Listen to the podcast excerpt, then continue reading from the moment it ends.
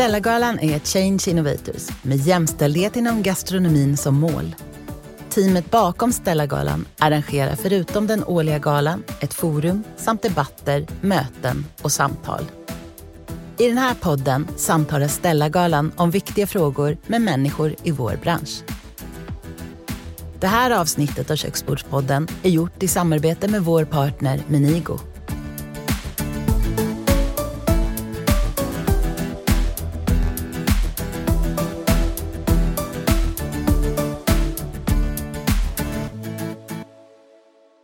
Idag välkomnar jag och Stellagalan Nina Wahlgren Gill som är kommersiell direktör på en av våra största samarbetspartners Menigo. Hej Nina!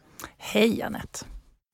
Kan inte du presentera er eh, lite granna? Vilka är Menigo och vad gör ni?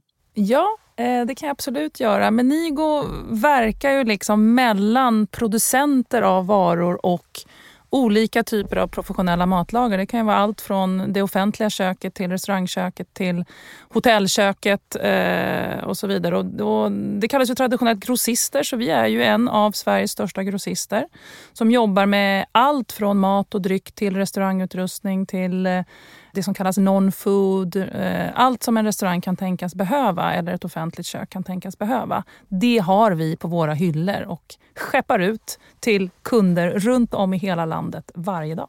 Mm. Jag tänkte börja berätta om det allra första mötet vi hade när du stod på vår första gala och pratade så vi alla fick stå päls. det var ju en episk upplevelse och sen dess har vi jobbat ihop. Ja.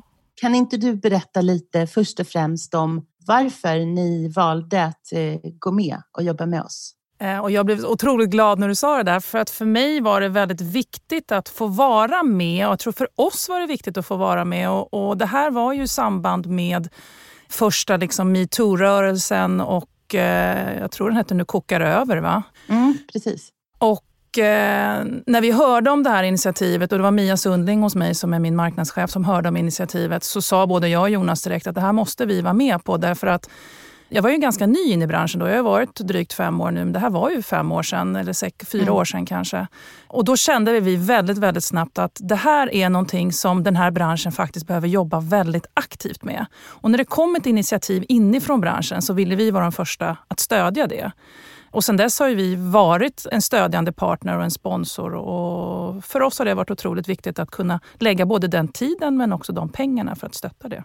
Mm. Ja, och vi är såklart extremt tacksamma för det och vi känner ju också att eh, ni är med och på på de initiativ vi tar för det är ju så viktigt också att få eh, någonting annat än den här fantastiska galen och mm, glittret mm. och härligt och prisgalan. Men att man också går ner och djupdyker i vad är det vi kan göra och vad kan vi göra tillsammans? Mm. Så vi är väldigt tacksamma och glada för att ni är här och ni är med oss. Härligt. Men det du pratade om då var ju sättet ni i eran rörelse och eran verksamhet mm. gick in och petade på varenda liten del för att se vilka stenar ni kunde vända på. Mm. Hur, eh, hur går det med det jobbet? Jag skulle säga att det går bra. Vi pratade lite tidigare om också att det här är ju inte någonting man gör liksom en one-off, att man gör ett jätteryck liksom ett halvår och så händer det något och sen så slutar man. Utan för oss är det här en del av vår vardag och det vi jobbar med varje dag, varje vecka, varje månad, år för att liksom skapa långsiktig förändring. Och jag kan väl bara nämna några förändringar som har skett i Menigo. Då. Mm, gärna. Eh, för det första då, så, eh, och det är ju jag själv då. Jag är ju idag kommersiell direktör. Jag gick in som marknad och kommunikationsdirektör. Idag kommersiell direktör även med ansvar för all försäljning. Det är första gången det är en kvinna som har den så att säga, kärnpositionen i Menigo. Mm. Även under mig, så den som är ansvarig för hela försäljningen mot just restaurangsidan är också en kvinna. Det är också första gången som det är en kvinna som har den positionen. Vår ekonomichef, vår controllerchef, tre av fem kvinnor i business technology är kvinnor i ledningsgrupperna. Så att vi det är ju en ganska bred front att vi verkligen promotar och jobbar med kvinnor för chefskap. Mm. Och det är ju ett sätt för oss att vi vill ju normalisera att en kvinna är ledare. Det är ju inte att det ska vara en sån här, oj nu blev det en kvinna, utan ja, det är en kvinna, det är en man. Det spelar liksom ingen roll. Vi tror ju på balans och mångfald och jämställdhet för att det är en lönsamhetsfråga. Att skapa liksom balans och olika perspektiv gör ju att företaget blir bättre helt enkelt. Mm. Ja, men och det, är ju, det du lyfter nu är ju sånt som kommer även att lyftas i vårt forum framöver. Både hur man jobbar med förändring och där kommer ju du också prata och vara med i panelen. Men det som ni också måste förstå är ju att ni då i branschen, ni är ju förebilder för det här arbetet. Mm. Är det någonting ni tänker på? Jag tror inte att vi tänker på det. Däremot så pratar vi ganska mycket om att vi måste använda den kraft och styrka vi har för att påverka i rätt riktning. Eh, jag själv blev ju nästan gråtfärdig liksom för ett år sedan när jag såg det här sista uppropet som gjordes då för ett år sedan. Här tar det slut när jag läste liksom de sakerna och inser liksom att det fortfarande är en del av en vardag. Den vardagen är så främmande för mig och jag, tror för, jag hoppas och tror för väldigt många på vårt bolag att den vardagen är så otroligt främmande. Och vad jag sa då till hela min organisation var att vi kommer aldrig att acceptera att det här sker någon gång när vi är värdar för någonting. Det här är ingenting vi skrattar åt, det här är ingenting vi sopar under mattan. Utan det här är någonting som vi måste stå upp för och säga att det här är inte okej. Okay. Mm. Och jag menar, det är klart att vi lägger sponsorpengar på en hel del olika saker. Hur kan vi påverka de verksamheterna?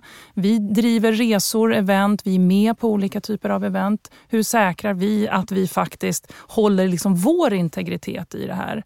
Så jag tror, jag vet inte om vi tänker så mycket på som förebild mer än att jag känner att vi behöver påverka branschen och visa på ett positivt sätt hur enkelt egentligen det är att det är lika mycket kvinnor som män. Mm. Och inte bara enkelt, utan som du också påpekade förut, det är ju verkligen en lönsamhetsfråga. Definitivt. Att ha en bredd och en balans i hela verksamheten gör ju att det blir både roligare att jobba, enklare att jobba och smartare att jobba. Ja. Så eh, ni är förebilder. Vad härligt. Jag vet att du vill prata om ett av era goda exempel i Malmö. Vad, vad har ni gjort där? Man kan säga att för er som inte känner till Menygård så är vi en, en av, av landets största mat och, och dryckesgrossister. Och naturligtvis är en ganska stor del av vår verksamhet logistik och vad man kallar då kollektivanställda. Och när vi tittar på det tjänstemän kontra kollektiv så ser vi ju att det är väldigt mycket mer män än kvinnor. Eh, både på chefspositioner och i det dagliga arbetet. Och det där vill ju vi förändra och, och det är ju en av våra liksom akilleshärdar. Hur kan vi se till att ta bort också den här mytbildningen om att det här är ett jobb som inte passar kvinnor. Det är ju väldigt ofta, och det tror jag att ni säkert får höra i kök också, att det är så fysiskt, det passar liksom inte kvinnor. Det, mm. det, det är för tungt. Och därför ville vi eh, liksom verkligen ta ett krafttag och sätta ihop. Och det här var ju en arbetsgrupp. Det här drevs ju av Dan som är vår lager, lager och logistikchef i, i Sydväst. Han och, och, arbetslag i Malmö drev det här att vi vill ha in kvinnor på laget. Vi vill liksom säkerställa att det här händer. Så det här var ju inget toppstyrt initiativ på något sätt utan det var ju från verksamheten just för att få en balans och få en bättre kanske liksom dialog och samtalsklimat liksom även i, i den typen av verksamhet. Mm. Och då gjorde man ett initiativ att säkerställa, vi tar alltid in sommarvikarier, att man ville att sex av tolv sommarvikarier skulle vara tjejer. Därför att det är också någonting som jag själv har upplevt och som jag tror är viktigt, är att det är väldigt svårt att komma in ensam som kvinna. Kanske jättesvårt att komma in ensam som man också i en väldigt kvinnlig verksamhet. Därför att man känner sig lite annorlunda oftast. Mm. Och då ville vi ha in sex stycken samtidigt mot sex stycken då killar så att man kunde få en känsla av att man inte var annorlunda och att man var en del av ett, någonting normalt.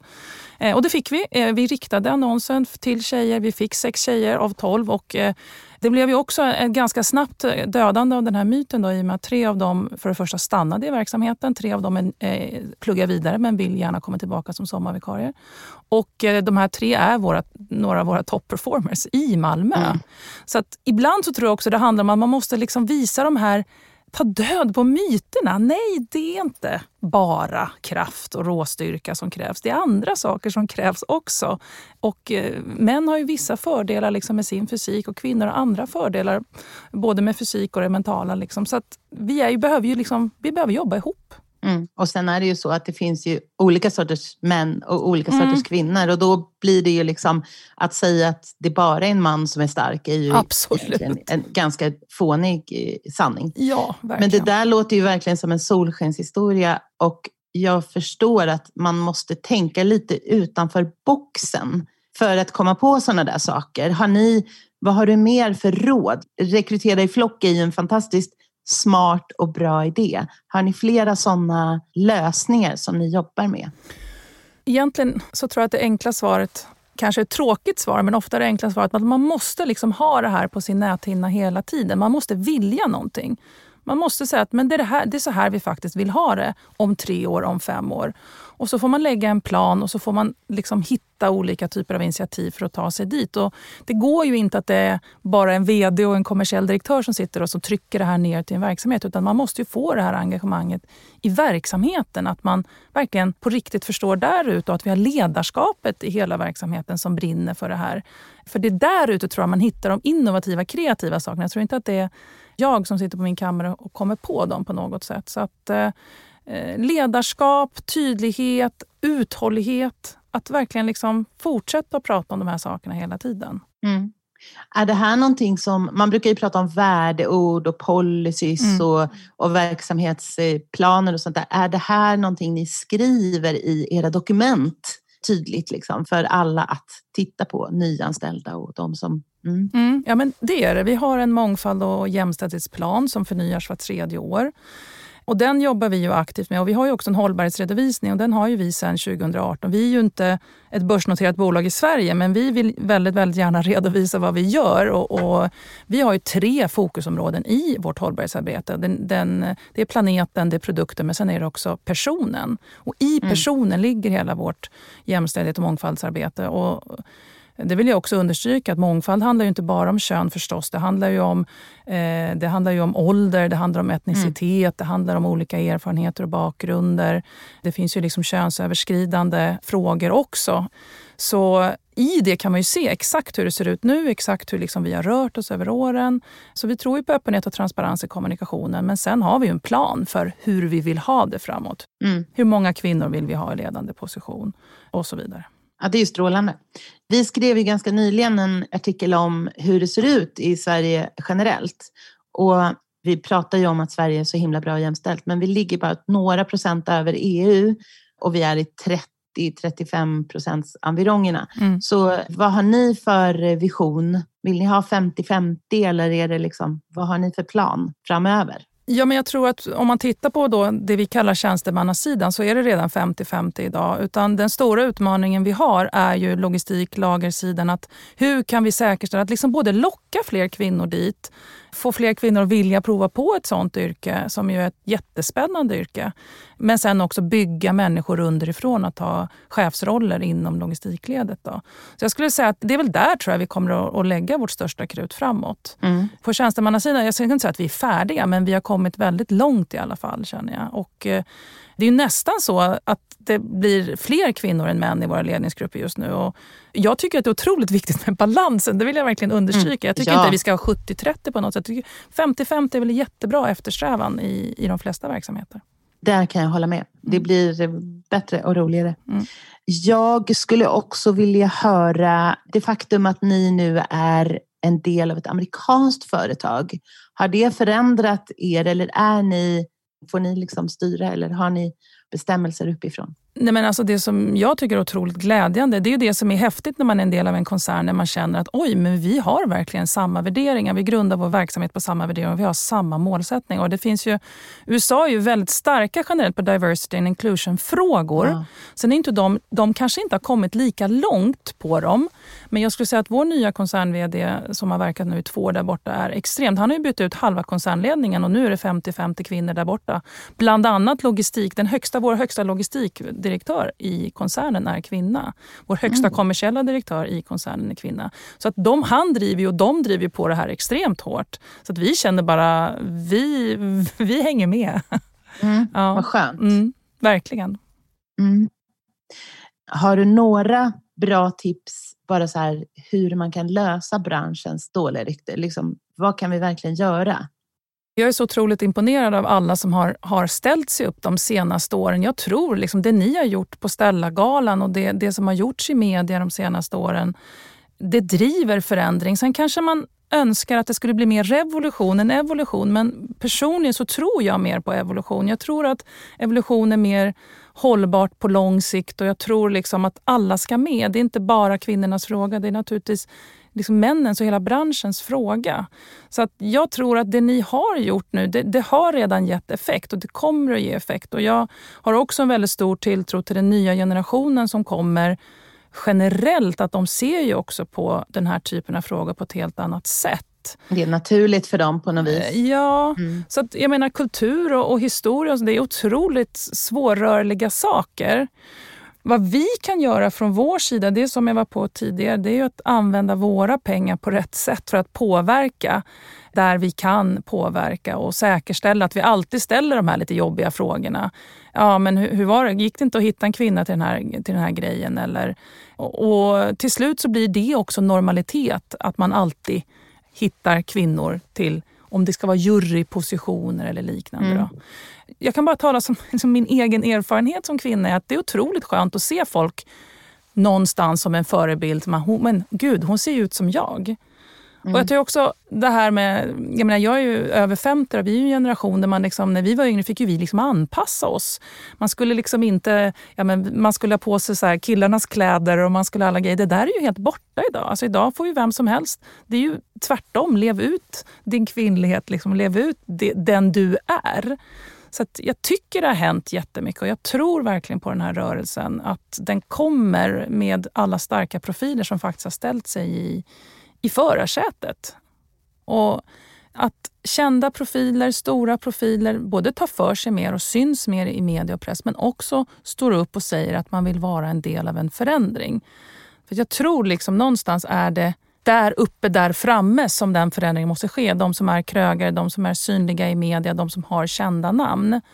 Så jag upplever ju att det här gör ni, branschen, redan väldigt bra vad vi kan göra från sidan av, så att säga, för vi är ju trots allt på sidan av, det är att använda våra pengar och våra resurser till att stötta er och att stötta rätt frågor och att också ställa oss upp ibland och också säga ifrån publikt eh, när det är saker som vi tycker är, är fel. Mm. Jag håller med för varenda ord. Ja. Men vet du vad jag också skulle vilja höra? När du då började i din liksom, karriär och din bana, hade du några kvinnliga förebilder då som var som du skulle vilja vara när du liksom blev stor eller vad man ska säga? Nej, och det är det som är så himla tråkigt. Det hade faktiskt inte jag. Och det tror jag det är ganska många kvinnor liksom i min ålder. Vi hade ju män som förebilder och jag, jag, kan bara prata för mig själv. Jag vet inte hur alla andra har gjort men jag tror att jag knödde runt mig själv ganska mycket de första tio åren för att liksom passa. Men det är väl det bästa beslut jag har gjort för mig själv i alla fall, det är att bestämma att nej, men det är jag, I bring myself to the table. Mm. Det är jag som kommer till bordet, ingen annan. Och det är jag som bringar värde genom att vara jag. Och det känner jag att unga kvinnor idag gör på ett helt annat sätt. Eh, men tyvärr måste jag säga att det var lite dåligt med förebilder. Sen hade jag förmånen att jobba på ett bolag, ett stort eh, svenskt börsbolag där vi hade en kvinnlig VD. Så jag har ju sett kvinnor som VD och jag, jag ser ju det som en normalitet. Mm. Jag är en born optimist. Jag, jag ser alltid liksom möjligheter överallt. Men jag, jag, ser verkligen att det är starka kvinnliga profiler som är på frammarsch. Det är ett systerskap som jag tycker är otroligt viktigt. Man pratar, pratar ju ofta liksom om, om brödraskap. Jag tycker att systerskapet är minst lika starkt. och eh, jag ser otroligt ljust på framtiden. Men jag tror så är det alltid, att vi kvinnor måste också våga ta de här framträdande positionerna. Våga misslyckas. Våga liksom, ah, nej men det gick inte som jag hade tänkt men det, det, det gör inget. Liksom. För tar man inte risker så kommer man aldrig heller att komma hela vägen fram dit man kanske har potential att komma. Mm. Så mitt råd skulle också vara att våga misslyckas. Det gör ingenting. Ja, och att man förstår att misslyckas är inte att misslyckas utan mm. att lära sig. Exakt. Ja, så där skulle jag inte göra. Exakt. Ja, tillbaka till det där om, om man är ensam dessutom. Jag vet att det har varit en diskussion om man är ensam som Louise nu var på årets kockfinalen. Liksom. Blir det jobbigare att förlora för att man är tjejen som förlorar? än om det är en av de här sju killarna. Ja, sannolikt kan det ju kännas så. Sen ska man ju inte se det så. Jag tycker det är fantastiskt liksom, vad hon gjorde och vad hon fortsätter att göra. Liksom. Men, men hade det varit lättare om det hade varit tre tjejer och fem killar, då hade man ju inte tänkt på det. Eller om du hade fyra, sant. fyra. Så att jag tror också det där, kan du få in fler och fler så att man inte känner sig så utpekad. Liksom. Så därför är ju mängd viktigt. Ja, det tror jag Sofia eh, B Olsson sa vid något tillfälle när hon började ju på Kockarnas kamp och då var det två tjejer mm. bara. Och då blir det ju, precis som du säger, det blir ju större att tjejerna åker ut. Då blir det liksom, ja ah, tjejerna är inte lika duktiga. Jo men, nej, men det är klart, det är ju större chans att en tjej vinner om man är hälften hälften. Ja. Såklart. Ja. Det där har de ju jobbat på i de mm. flesta program också. Jag tänkte, ja, vi har fått så otroligt mycket bra eh, åsikter och tips av dig, men jag tänkte att vi skulle gå lite så här dig personligt. Mm. Eh, du ska få svara på sex snabba. Bästa hållbara tipset? Det här är ju min, mina barns hatobjekt då, men det är ju, det är ju lördagsresterna. Alltså, vi kör ju alltid lördagsluncher med rester från veckan. Så att vi slänger ihop det i en stor sån här panna, liksom, lerpanna, in i ugnen och så får alla plocka det de vill ha av, av resterna. Så att eh, rester, I'm sorry. rester är mm. grymt bra. Mm. Jag åt rester igår. Kött, fisk eller vegetariskt? Ja, eller mittemellan? Ja, eller mittemellan. Ja, men jag är nog lite mer kött. Just nu är det lite mer fågel då än annat kött. Men eh, jag tycker om kött och jag tycker även om fisk och vegetariskt. Men eh, jag är nog mer kött måste jag säga. Mm. Mm. Vad dricker du helst? Jag är vattenmänniska faktiskt. Jag älskar rent kallt kranvatten i Sverige. Eh, fantastiskt. Har du hört talas om den eh, tävlingen som eh, tar fram Sveriges bästa vatten? Nej, det har jag inte. det är faktiskt en sjukt rolig tävling och den går varje år och då, det är en alltså, prominent jury. Jag tror Mischa Billing var med förra året och det liksom var, man smakade på eh, viskositeten ja. och alla... Ja, jag tror det var Bräcke som vann förra ja. året, om jag inte missminner mig. Ja, men jag ska säga så här, vi har ju sommarstuga utanför Sundsvall, fem mil utanför Sundsvall, där vi faktiskt mm. har, har haft, den har ju då torkat igen, men vi har haft en källa från berget där. Det är nog det bästa mm. vattnet jag någonsin har druckit. Men jag älskar mm. vatten. Ja. Det är gott. Mm. Vad äter du till frukost? Eh, jag äter just nu yoghurt, grekisk yoghurt med granola. Eh, käkar jag just nu. Jag byter lite ibland. Eh, helgerna kan det bli surdegsbröd. Mm. Eh, då vill jag att du rekommenderar bästa mattips eller restaurang. Ja. ja. Eller bar. Eller? Ja, precis. Bar. Jag vet inte, usch vad hemskt. Men jag är så gammal. Jag vet inte när jag sist gick på en bar. Ah. Eh, men, men restaurang, jag, jag, om jag får ta två då. då men, men bästa lunchtips för mig, och nu så sitter vi och jobbar i Globen då, men jag tycker Långbro värdshus är ett otroligt välskött etablissemang med jättebra service autenticitet liksom i lokalerna och fina detaljer och allt det där. Så man blir alltid glad när man går till Långbro tycker jag. Så det är väl mitt lunchtips. Och sen så var jag för något år sedan hos, på Doma hos Thea Malmegård och det måste jag säga också var otroligt bra kvällstips. Eh, jätte kul och trevligt och snyggt allting. Och jag gillar ju sötsaker då. Så att eh, där har man ju sitt listmäte av sötsaker. De har ju en dessertvagn. man börjar ju nästan ja, gråta. Jag vet, jag vet. Jag vet. man får ju tya sig lite, men man får väl gå dit lite med måtta då, tänker jag. Eller hur? ja. Eller bara ta desserten först. Mm. Eh, Okej, okay. undvik. ja, den är alltid lite taskig. Men ja, vi har ju som sagt sommarstuga uppe i Norrland och eh, på vägen dit så eh, liksom halvvägs här lagom är det ju Tönnebro värdshus då. Och där finns en hamburgerrestaurang. Jag vet inte, den har, het, den har hetat Frasses under ganska lång tid. Jag vet inte vad den heter nu. Men där har vi ätit en gång men aldrig mer skulle jag säga. Så att det är väl mitt undvik då. då. Det är kanske ja. någon som blir arg nu men det får vara så. Då. Så kan det vara. Vägmat är ju ett dilemma. Varför är det så? Det måste vara massa mm. människor som vill ha jättebra vägmat. Det måste ju verkligen vara ett segment att jobba med. Eller hur? Mm. Eh, Nina, mm. eh, jag har, eh, ja, men jag har nog inga mera frågor och jag tycker att eh, de tips och de saker du har tagit fram har varit så fantastiska. Så jag tackar för oss och för mig. Tack själv Anette. Och jag verkligen, det är ju inte, när, vi, när vi signade på som er partner för fem år sedan så var det ju inte alla våra kunder som tyckte att det var tipptoppen. Eh, så är det ju faktiskt. Mm. Eh, och jag är så himla glad att, att vi gjorde det. Och att man, ibland, det är ju så, man måste liksom våga ta en stake ibland också. Och eh, jag tycker att ni som har startat det här och verkligen fortsätter att driva det har gjort någonting väldigt viktigt för den här branschen. Så att, eh, jag säger tack till er. Tack, vad fint sagt. Mm. Det blir, vi blir väldigt glada när vi hör det. Härligt.